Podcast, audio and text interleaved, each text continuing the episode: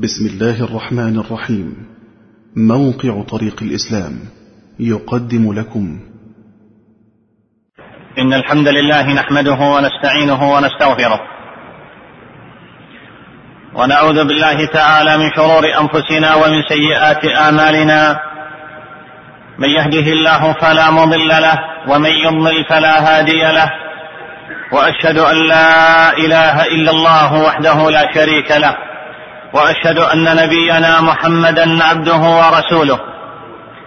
يا أيها الذين آمنوا اتقوا الله حق تقاته ولا تموتن إلا وأنتم مسلمون. يا أيها الناس اتقوا ربكم الذي خلقكم من نفس واحدة وخلق منها زوجها وبث منهما رجالا كثيرا ونساء. واتقوا الله الذي تساءلون به والأرحام. إن الله كان عليكم رقيبا. يا أيها الذين آمنوا اتقوا الله وقولوا قولا سديدا. يصلح لكم أعمالكم ويغفر لكم ذنوبكم. ومن يطع الله ورسوله فقد فاز فوزا عظيما. أما بعد أيها المسلمون. وبعد ظلام الليل الحالك يتنفس الصبح بضيائه ويرسل إلى الكون خيوط الصباح الأولى مؤذنا ببدء يوم جديد. ويشهد الكون في تلك اللحظات المهيبة صراع النور والظلمة واعتراك الليل والنهار ويبصر ميلاد يوم جديد. ويقبل الفجر في زهوه وبهائه يتهادى اختيالا ملء عينيه أسرار وأخبار. وفي هذا الوقت البديع المبارك يدوي في سماء الكون النداء الخالد نداء الأذان لصلاة الفجر فتهتف الأرض كلها. الله أكبر الله أكبر. الصلاة خير من النوم. وتكون صلاة الفجر فاتحة اليوم في حياة المسلم. ويعلم الإسلام أهله أن يبدأوا كل أمر بطاعة الله عز وجل والإقبال عليه والإنابة إليه وكأنما هي شكر لله على نعمة الإصباح بعد الإظلام. ويبدأ وقت صلاة الفجر من ظهور الفجر الصادق إلى طلوع الشمس والسنة فيها التعجيل فيصليها بغلس قبل الإسفار إنها صلاة الفجر. التي سماها الله في كتابه قرآنا فقال جل وعز أقم الصلاة لدلوك الشمس إلى غسق الليل وقرآن الفجر إن قرآن الفجر كان مشهودا. المحافظة عليها من أسباب دخول الجنة والوضوء لها كم فيه من درجة والمشي إليها كم فيه من حسنة والوقت بعدها تنزل فيها البركة. قال النبي صلى الله عليه وسلم اللهم بارك لأمتي في بكورها. أخرجه الإمام أحمد وأبو داود. وصح عن النبي صلى الله عليه وسلم أن ملائكة الليل وملائكة النهار تجتمع في صلاة الصبح فكفاكم شرفا شهادة ملائكة الرحمن لكم. قال صلى الله عليه وسلم يتعاقبون فيكم ملائكة بالليل وملائكة بالنهار ويجتمعون في صلاة الفجر وصلاة العصر. ثم يعرج الذين باتوا فيكم فيسألهم ربهم وهو أعلم بهم. كيف تركتم عبادي؟ فيقولون تركناهم وهم يصلون وأتيناهم وهم يصلون. متفق عليه. وهكذا تكون صلاة الفجر مجتمعا للملائكة. ومحفلا من محافل الخير والطاعة والعبادة. لا يحضره إلا كل طاهر مطهر من الأبرار. يستحق أن يكون في ضيافة الرحمن. عن أبي أمامة رضي الله عنه عن النبي صلى الله عليه وسلم قال من توضأ ثم أتى المسجد فصلى ركعتين قبل الفجر ثم جلس حتى يصلي الفجر. كتبت صلاته يومئذ في صلاة الأبرار وكتب في وفد الرحمن رواه الطبراني بإسناد حسن. صلاة الفجر تعدل قيام الليل روى مسلم في صحيحه. عن عثمان بن عفان رضي الله عنه قال سمعت النبي صلى الله عليه وسلم يقول من صلى العشاء في جماعة فكأنما قام نصف الليل ومن صلى الصبح في جماعة فكأنما صلى الليل كله وروى مالك بسند صحيح. أن عمر بن الخطاب رضي الله عنه فقد سليمان بن أبي حكمة في صلاة الصبح فمر على الشفاء أم سليمان فقال لها لم أرى سليمان في الصبح. فقالت إنه بات يصلي فغلبته عيناه. فقال عمر لأن أشهد صلاة الصبح في جماعة. أحب إلي من أن أقوم ليلة. صلاة الفجر وصية النبي صلى الله عليه وسلم والصحابة من بعده لأمة الإسلام. فعن رجل من النخع قال سمعت أبا الدرداء حين حضرته الوفاة قال أحدثكم حديثا سمعته من رسول الله صلى الله عليه وسلم. سمعت رسول الله صلى الله عليه وسلم يقول من استطاع منكم أن يشهد الصلاتين العشاء والصبح ولو حبوا فليفعل. حديث حسن رواه الطبراني في الكبير. أيها المسلمون ولما كانت صلاة الفجر بهذه المنزلة العظيمة كان التفريط فيها جرما كبيرا وغفلة غير يسيرة. قال ابن عمر رضي الله عنهما كنا إذا فقدنا الرجل في الفجر والعشاء أسأنا به الظن. وعن أبي بن كعب رضي الله عنه قال صلى بنا رسول الله صلى الله عليه وسلم يومنا الصبح. فقال أشاهد فلان قالوا لا. قال أشاهد فلان قالوا لا. قال إن هاتين الصلاتين. أثقل الصلوات على المنافقين. ولو تعلمون ما فيهما لأتيتموهما ولو حبوا على الركب. رواه أحمد وأبو داود بسند حسن. لقد تعلقت قلوب السلف رضي الله عنهم ورحمهم بهذه الصلاة لما علموا من جليل فضلها وسوء عاقبة التخلف عنها فكانوا أحرص الناس عليها. حتى لقد قال عبد الله بن مسعود رضي الله عنه ولقد رأيتنا وما يتخلف عنها إلا منافق معلوم النفاق. ولقد كان الرجل يؤتى به يهادى بين الرجلين حتى يقام في الصف. وها هو رسول الله صلى الله عليه وسلم نبي الأمة وهاديها نبي الأمة وهاديها يمر بباب فاطمة ستة أشهر إذا خرج إلى صلاة الفجر. يقول الصلاة يا أهل البيت إنما يريد الله ليذهب عنكم الرجس أهل البيت ويطهركم تطهيرا. رواه الترمذي. إنه حرص نبوي وتربية لابنته على أن تحرص على صلاة الفجر في وقتها.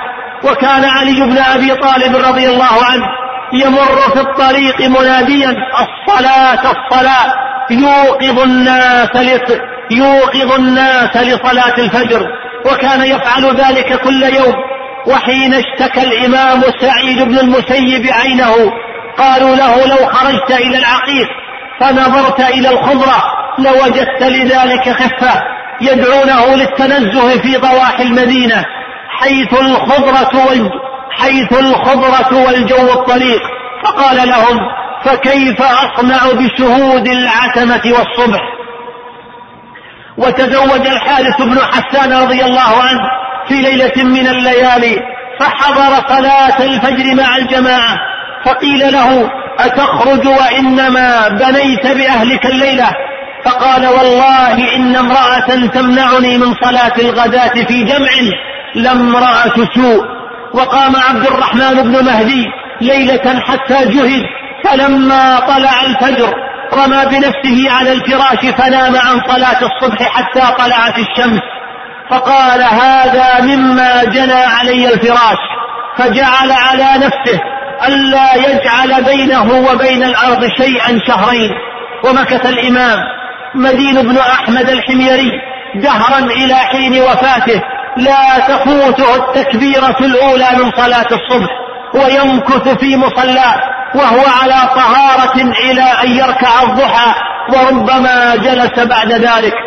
وبقي الشيخ الغرناطي وبقي الشيخ الغرناطي نحو من عامين أو أزيد يخرج للصلوات الخمس.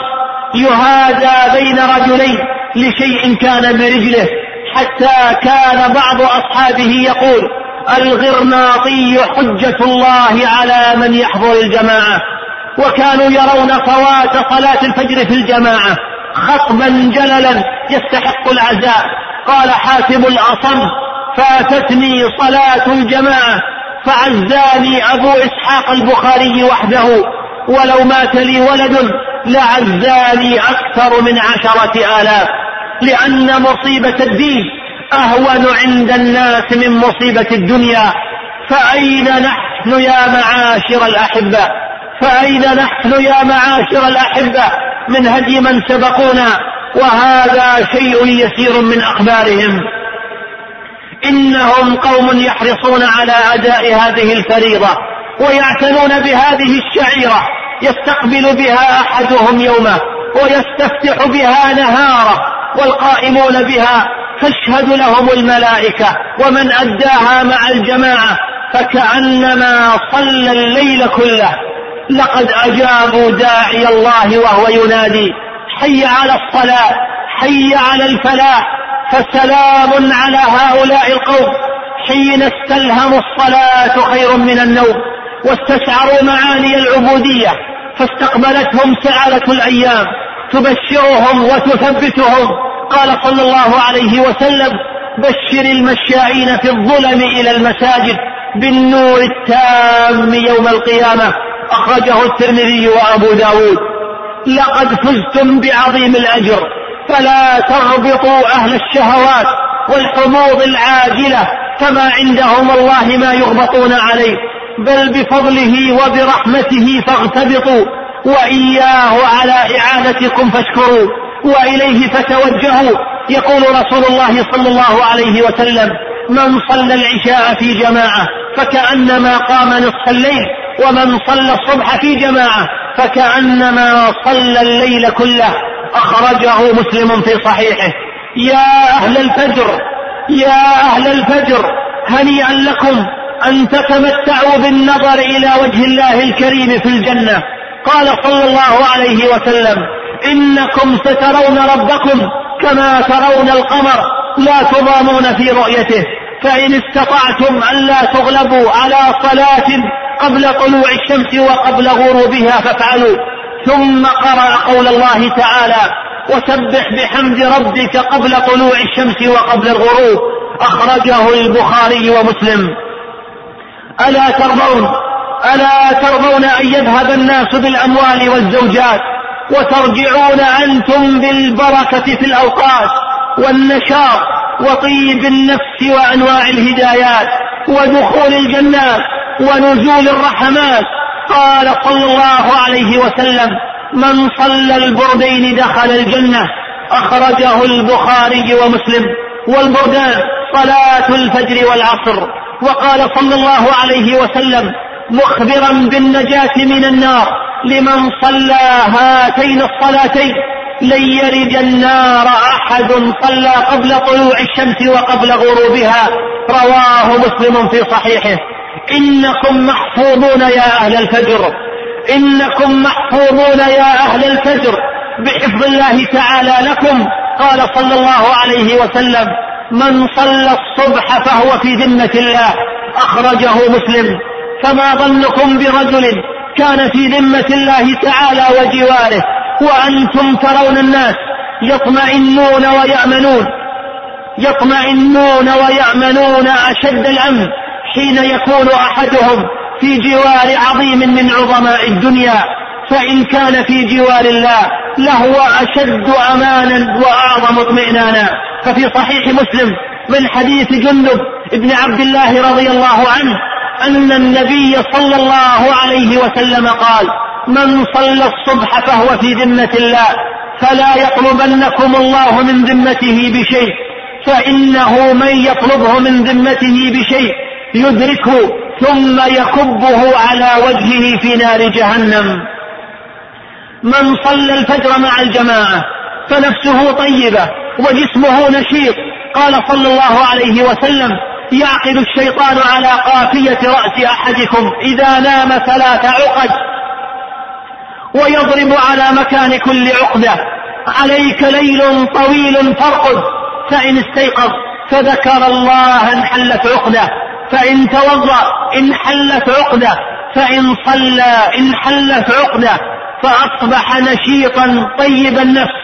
وإلا أصبح خبيث النفس كسلان. متفق عليه. فسلام على المحافظين على صلاة الفجر. حين تركوا السهر وودعوا السمر وفازوا بعظيم الأجر. ترى الواحد من هؤلاء يستعد لها من الليل بالساعة المنبهة والوضوء والأوراد المتنوعة. وإذا خشي فوات القيام لها وصى أحدا يوقظه. وقبل هذا كله إحساس الإيمان إحساس الإيمان الذي يعمر قلبه. فحتى لو عرض له أمر فتأخر عن النوم مرة وجدته عند الصلاة يهب من نومه فزعا إليها مبادرا بأدائها فلله درهم فلله درهم حين صلوا صلاة الفجر لميقاتها فحفظوا وقتها وداوموا عليها وفازوا بأحب عمل إلى الله عز وجل. قال عبد الله بن مسعود رضي الله عنه سألت النبي صلى الله عليه وسلم أي الأعمال أحب إلى الله عز وجل؟ قال الصلاة على وقتها متفق عليه. أولئك هم الرجال حقا والمؤمنون صدقا. قال ربنا جل وعلا في بيوت أذن الله أن ترفع ويذكر فيها اسمه يسبح له فيها بالغدو والآصال. رجال لا تلهيهم تجارة ولا بيع. عن ذكر الله وإقام الصلاة وإيتاء الزكاة. يخافون يوما تتقلب فيه القلوب والأبصار ليجزيهم الله أحسن ما عملوا ويزيدهم من فضله. والله يرزق من يشاء بغير حساب. أهل الفجر لهم ثناء جميل. لم تسطره وسائل الإعلام باختلاف أنواعها. فليسوا بحاجة إلى أن ينشر لهم عمل. ولكنه ثناء أعظم وأجل مسطر في رأس منشور ثناء تكلم به الجبار جل جلاله وحسبك بثناء من عند الله تعالى الذي لا يزين مدحه إلا هو ولا يشين ذمه إلا هو فبشراكم ذلك الثناء يا أهل الفجر. قال الله تعالى واصبر نفسك مع الذين يدعون ربهم بالغداة والعشي يريدون وجهه ولا تعد عيناك عنهم تريد زينة الحياة الدنيا ولا تطع من أغفلنا قلبه عن ذكرنا واتبع هواه وكان أمره فرطا. أيها المسلمون وبلغ من منزلة صلاة الفجر أن خصت راتبتها القبلية دون سائر الرواتب بالمحافظة عليها حضرا وسفرا. قال الإمام ابن القيم رحمه الله تعالى وكان رسول الله صلى الله عليه وسلم في السفر يواظب على سنة الفجر والوتر أشد من جميع النوافل دون سائر السنن ولم ينقل عنه في السفر أنه صلى سنة راتبة غيرها. وكان ابن تيمية رحمه الله تعالى يقول سنة الفجر تجري مجرى بداية العمل والوتر خاتمته بل وصف عليه الصلاة والسلام راتبة الفجر بأنها خير من الدنيا وما فيها وبأنها أحب إليه من الدنيا جميعا ولم يكن صلى الله عليه وسلم إلى شيء من النوافل أسرع منه إلى الركعتين قبل الفجر. فهذه منزلة النافلة فهذه منزلة النافلة فكيف بالفريضة يا عبد الله؟ أسأل الله جل وتعالى بأسمائه الحسنى وصفاته العلى أن يعينني وإياكم على أنفسنا وأن يجعلنا ممن يستمعون القول فيتبعون أحسنه. بارك الله لي ولكم في القرآن العظيم ونفعني وإياكم بما فيه من الآيات والذكر الحكيم. أقول ما قلت فإن كان صوابا فمن الله وحده وإن كان غير ذلك فمن نفسي ومن الشيطان. والله ورسوله منه بريئان. وأستغفر الله إنه كان غفارا. الحمد لله على إحسانه. وأشكره على توفيقه وامتنانه. وأشهد أن لا إله إلا الله وحده لا شريك له.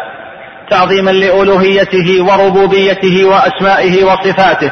وأشهد أن نبينا محمدا عبده ورسوله. الداعي إلى جنته ورضوانه.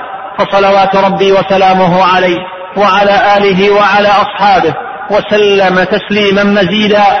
أما بعد أيها المسلمون إن من الظواهر المؤلمة إن من الظواهر المؤلمة في هذا الوقت التخلف عن صلاة الفجر في المسجد مع الجماعة وقضاءها بعد فوات وقتها وإنك لترى المسجد في الحي المزدحم. يمتلئ في الصلوات كلها حتى إذا جئت لصلاة الفجر. ألفيته شبه خاو ليس فيه إلا صفوف قليلة. وهذه والله بلية يعجب لها المرء. كيف يفوت المسلم؟ كيف يفوت المسلم على نفسه هذا الخير العظيم؟ كيف يهنأ بالنوم؟ والناس في المساجد مع قرآن الفجر يعيشون. وإلى لذيذ خطاب الله يستمعون وفي ربيع جناته يتقلبون كيف يطيب له الفراش وأرباب العمل قد صفوا أقدامهم في المساجد بين سجود والركوع وخشوع وجموع كيف يحرم نفسه بركات الفجر المتنزلة وخيراته المتواترة بل كيف يرضى المسلم أن يتلاعب به الشيطان؟ فيبول في أذنيه عن أبي وائل عن عبد الله رضي الله عنه قال ذكر عند النبي صلى الله عليه وسلم رجل فقيل ما زال نائما حتى أصبح ما قام إلى الصلاة فقال عليه الصلاة والسلام ذاك رجل بال الشيطان في أذنيه رواه البخاري. قال الإمام الحافظ ابن حجر رحمه الله تعالى واختلف في بول الشيطان فقيل هو على حقيقته. وقيل هو كناية عن سد الشيطان أذن الذي ينام عن الصلاة حتى لا يسمع الذكر. وقيل معناه ملأ سمعه بالأباطيل. وقيل هو كناية عن ازدراء الشيطان به. وقيل معناه أن الشيطان استولى عليه واستخف به حتى اتخذه كالكنيف المعز للبول وخص البول لأنه أسهل مدخلا في التجاويف وأسرع نفوذا في العروق فيورث الكسل في جميع الأعضاء وهذه معان يا عبد الله. وهذه معان كيفما قلبتها وجدت بعضها شرا من بعض. فيا من ضيعوا صلاة الفجر يا من ضيعوا صلاة الفجر وتهاونوا بها وأخروها عن وقتها. فيا ليت شعري لو يعلمون ماذا تحملوا من الوزر وماذا فاتهم من الأجر. قال الله تعالى فويل للمصلين الذين هم عن صلاتهم ساهون وقال تعالى فخلف من بعدهم خلف أضاعوا الصلاة واتبعوا الشهوات فسوف يلقون غيا إلا من تاب وآمن وعمل صالحا فأولئك يدخلون الجنة ولا يظلمون شيئا وقال صلى الله عليه وسلم إن أول ما يحاسب به العبد يوم القيامة من عمله صلاته فإن صلحت فقد أفلح ونجح وإن فسدت فقد خاب وخسر. رواه الترمذي وقال حديث حسن. بل أين هم من الحديث العظيم الذي رواه البخاري في صحيحه والذي أخبر فيه النبي صلى الله عليه وسلم أنه أتاه آتيان فانطلقا به فمروا على رجل مضطجع وآخر قائم عليه بصخرة وإذا هو يهوي بالصخرة لرأسه. فيتلغ رأسه فيتدهده الحجر فيتدهده الحجر ها هنا.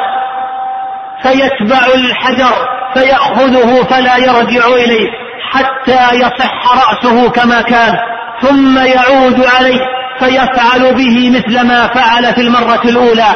فلما سأل عليه الصلاة والسلام الملكين عن خبره قال أما الرجل الذي أتيت عليه يثلغ رأسه بالحجر فإنه الرجل يأخذ القرآن فيرفضه وينام عن الصلاة المكتوبة.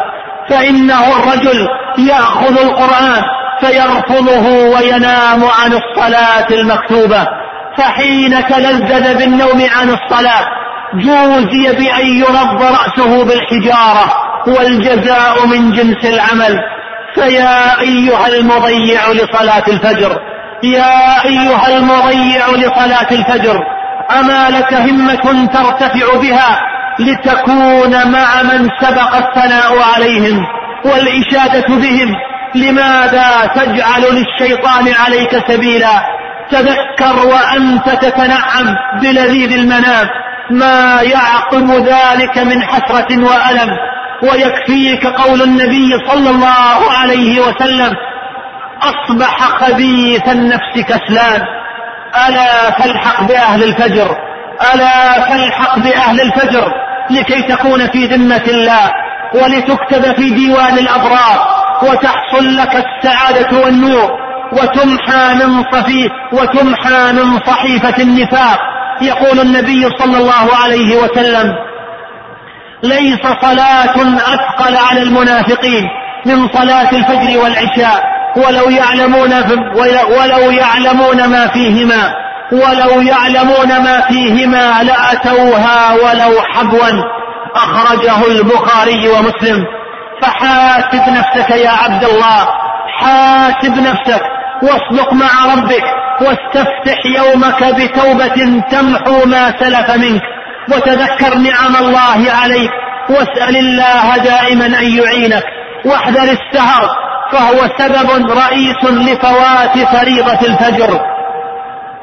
وابذل مع هذا من الأسباب ما يكون لك عونا بإذن الله بأن تنام على طهارة وقد قرأت أذكار النوم وجعلت الساعة المنبهة عندك فإن خفت مع هذا ألا تقوم فأوص بعض أهلك أو جيرانك بالاتصال عليك وإيقاظك وإذا استيقظت فاذكر الله مباشرة وانهض من فراشك بسرعة ولا تتململ فيه أو يوحي إليك الشيطان بأن تستريح قليلا فهذا مدخل من مداخله وابتعد عن المعاصي والذنوب. وابتعد يا عبد الله عن المعاصي والذنوب ولا سيما النظر المحرم فإن المعصية سبب لحرمان الطاعة وكن ذا عزيمة قوية وتذكر ثواب المسارعين إلى المساجد الذين تعلقت قلوبهم بها وأكثروا من التردد عليها فهم من السبعة الذين يظلهم الله في ظله يوم لا ظل إلا ظله. وهم السعداء الموفقون في الدنيا وأهل الجنة في الآخرة. قال رسول الله صلى الله عليه وسلم ثلاثة كلهم ضامن على الله إن عاش رزق وكفي وإن مات أدخله الله الجنة. وذكر منهم من خرج إلى المسجد فهو ضامن على الله. أخرجه أبو داود في سننه. فيا عبد الله يا عبد الله ما غرك بربك وألهاك عن صلاة فجرك. ترى أي خير فاتك وأي موت للقلب ابتليت به.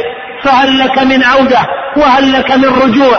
فإن المسجد يفتح أبوابه وداعي الرحمن. يدعوك فأقبل يا عبد الله. أقبل يا عبد الله. تكن من الفائزين. يا من فقدناك في صلاة الفجر. أرضيت أن تكون أسيرا للشيطان والهوى؟ أرضيت أن يبول الشيطان في أذنيك فلا يجعلها تسمع نداء ولا تجيب فلاحا. ثم هل ترضى أن يحضر الشيطان منزلك كل ليلة؟ فيبيت معك حتى تصبح وهو يراك فريسة اصطادها في كل يوم. فهلا عزمت من هذه الساعة أن تكون ضمن الركب المبارك؟ أهل الفجر لتحظى بفضائلهم ولتنجو من الوعيد الشديد للذين, يام للذين ينامون عن فرائض الله تعالى. اللهم أعنا على ذكرك وشكرك وحسن عبادتك. اللهم أعنا على ذكرك وشكرك وحسن عبادتك.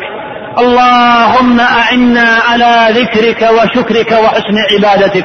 اللهم رحمة اهد بها قلوبنا. ونسألك اللهم أن تجمع بها شملنا وأن تلم بها شاءتنا وأن ترد بها الفتن عنا. اللهم رحمة اهد بها قلوبنا ونسألك اللهم أن تجمع بها شملنا وأن تلم بها شعثنا وأن ترد بها الفتن عنا. ربنا آتنا في الدنيا حسنة وفي الآخرة حسنة وقنا عذاب النار. اللهم اغفر للمسلمين والمسلمات اللهم اغفر للمسلمين والمسلمات والمؤمنين والمؤمنات الأحياء منهم والأموات. إنك يا ربنا سميع قريب مجيب الدعوات. اللهم اغفر لآبائنا اللهم اغفر لآبائنا واغفر اللهم لأمهاتنا ولعلمائنا ولمن له حق علينا. اللهم صل على محمد وعلى آل محمد كما صليت على إبراهيم وعلى آل إبراهيم إنك حميد مجيد. وبارك على محمد وعلى آل محمد كما باركت على إبراهيم وعلى آل إبراهيم في العالمين إنك حميد مجيد. وآخر دعوانا أن الحمد لله رب العالمين. مع تحيات إخوانكم في موقع طريق الإسلام www.islamway.com والسلام عليكم ورحمة الله وبركاته.